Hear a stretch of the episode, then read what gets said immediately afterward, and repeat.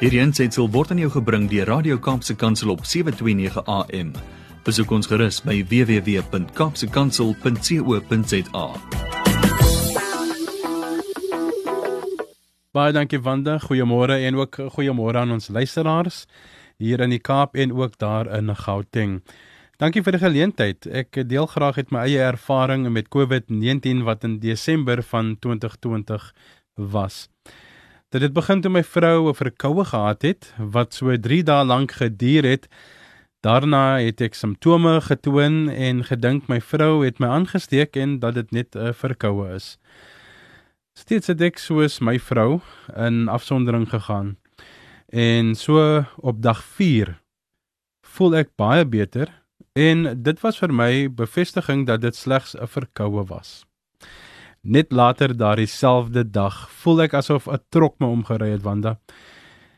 Die rugpyn, hoofpyn en moegheid was ondraaglik. Ag. Wanda, ek verwys na hierdie fase van my ervaring van hierdie siekte as die rollercoaster fase. Daar is on, om oomblikke wanneer ek regtig great gevoel het en dink môre sal alles weer normaal wees en dan skielik kom daai trok en slaan my weer vir 'n ses.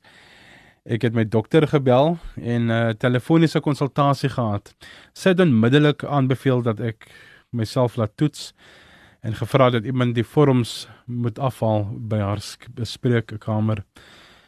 Ek het my afspraak aanlyn gemaak by Panorama Pathcare en ek moet noem dat die ouens by Panorama ehm um, vir my so baie goed hanteer het. Selfs ander mense ook voor en na my ehm um, baie baie goed behandel het. Baie mense uh so al skrikkerig, jy weet, in hierdie posisies en dis te verstaan, maar dit het net vir my gewys die uh vlak van hulle kennis van hierdie virus en wat regtig nodig is om te doen dat jy nie om menslikheid moet verloor nie deur 'n persoon soos die Kim self te hanteer nie.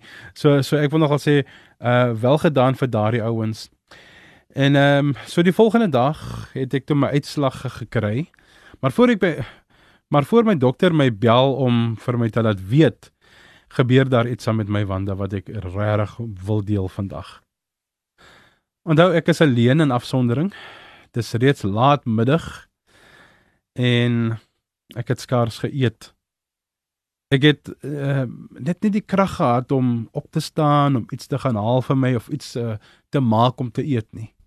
Terwyl ek so daar op die bed lê en wag net om weg te slymer, hoor ek 'n stem sê: "Get up." Ek het opgesit en myself iets toe gaan kry om te eet. En terwyl ek sit en eet, dink ek aan hierdie stem wat ek gehoor het. Ek vra toe vir God of dit hy was Eintlik het ek geglo dat dit die Heilige Gees was uh wie met my gepraat het. Ek soek toe net 'n bevestiging. Want die ervaring is vreemd. Ek voel asof ek daar uh, daar is 'n krag wat vir my dra. Ek ek kon vroeër nie opstaan of opsit nie. Nou sit ek op en ek uh, is besig om te eet. Ek sit my rekenaar aan en en ek kyk 'n preek um van TD Jakes getiteld How to get your fight back. Nou nou dat ek nie iets spesifieks op YouTube gaan soek het nie, behalwe dat ek TD Jakes gaan intik het. Die teaching was baie kragtig.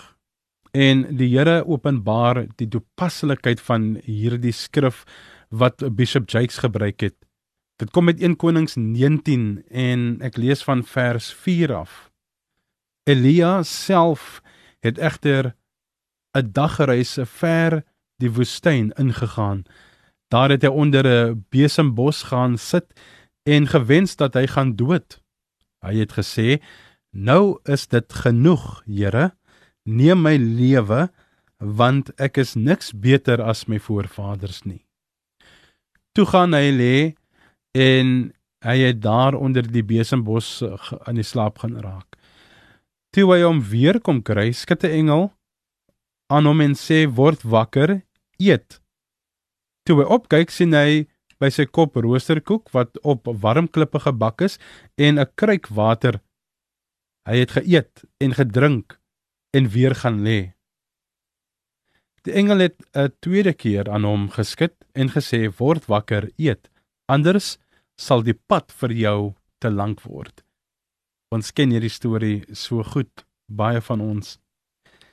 En ek vra vir die Here toe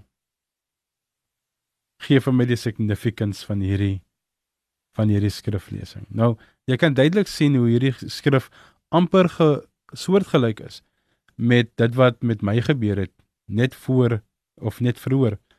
Die stem wat vir my gesê het get up. Ek het toe gaan eet. Ja.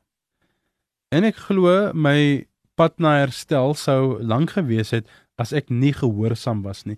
So 2 ure later, nadat ek die stem gehoor het, bel my dokter vir my en sê dat ek COVID positief is. Sy het my 'n gebrief en 'n uh, voorskrif aangestuur.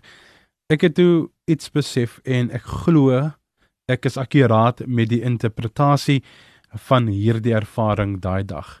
Ek glo dat die stem wat ek gehoor het vir my geroep het om 'n profetiese aksie uit te voer terselfdertyd toe die patoloë die verslag van my positiewe uitslag uitreik in die atmosfeer. Dat ek in Jesus naam moes opstaan teen hierdie virus wanda wat my liggaam aanval. Toe my dokter my kontak, het Heilige Gees reeds my genesing bevestig en dat ek vinnig sou herstel. En dit het so gebeur. Ek het vinnig herstel. Ek het God gevra om vir my te sê wat die doel is met hierdie profetiese ervaring van sy bonatuurlike krag en God het my geantwoord dat ek nie net slegs moet bid vir mense wanneer hulle positief getoets het nie, maar om te bid vir die beskerming teen die virus meer as wat ek sal bid vir genesing. Hm. Tydens my siekte het ek baie WhatsApp boodskappe gekry wanda en dit het baie gehelp. Ek wil luisteraars vra om geliefdes elke dag 'n teksboodskap te stuur, maar moenie verwag dat jy 'n antwoord onmiddellik sal kry nie.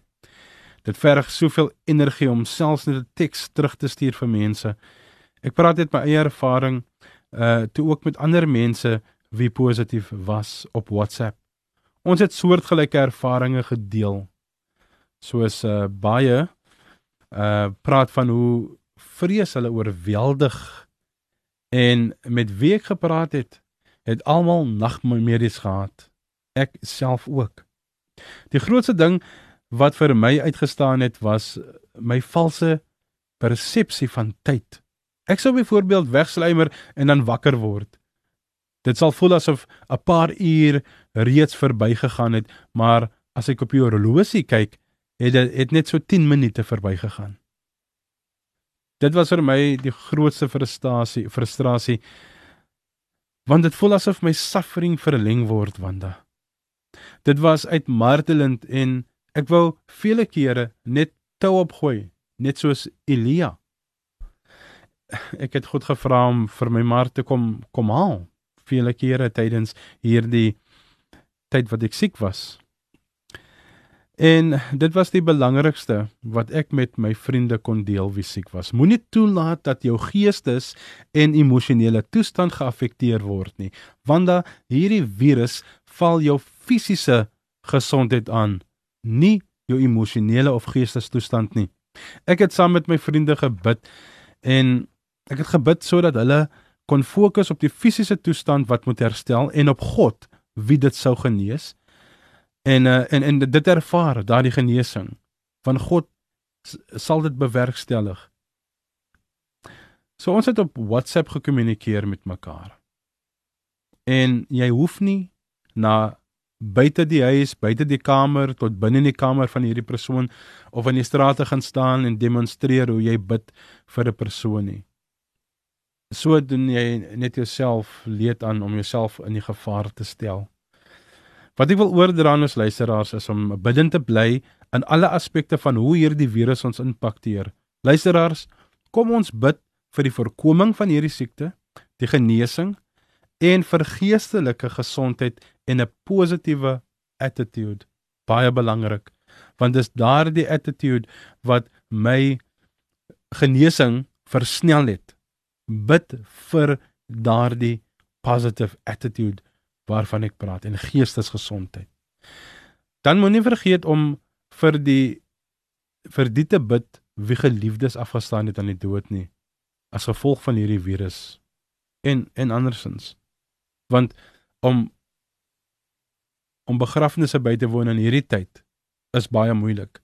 Dit is baie onpersoonlik um in vergelyking met wat ons gewoond aan is wanneer ons geliefdes groet vir die laaste keer. Hierdie is 'n een eensame siekte wanda. Luisteraars, niemand kan of mag naby jou wees nie. Ek dink sommer aan die saying divide and conquer. Is dit die vyand se plan? Ons God is alomteenwoordig. En as ons almal in Christus is, kan ons nie divided wees nie, want in Christus is ons een. Ek sê vir jou Wanda en die luisteraars baie dankie dat ek my ervaring kon deel. Aan ons luisteraars, dra jou masker altyd, was jou hande altyd en sanitize altyd. Bly by die huis en bly veilig. Kom ons verander die statistieke met voorkoming na 'n goeie getuienis van oorkoming van COVID-19. Die Here seën.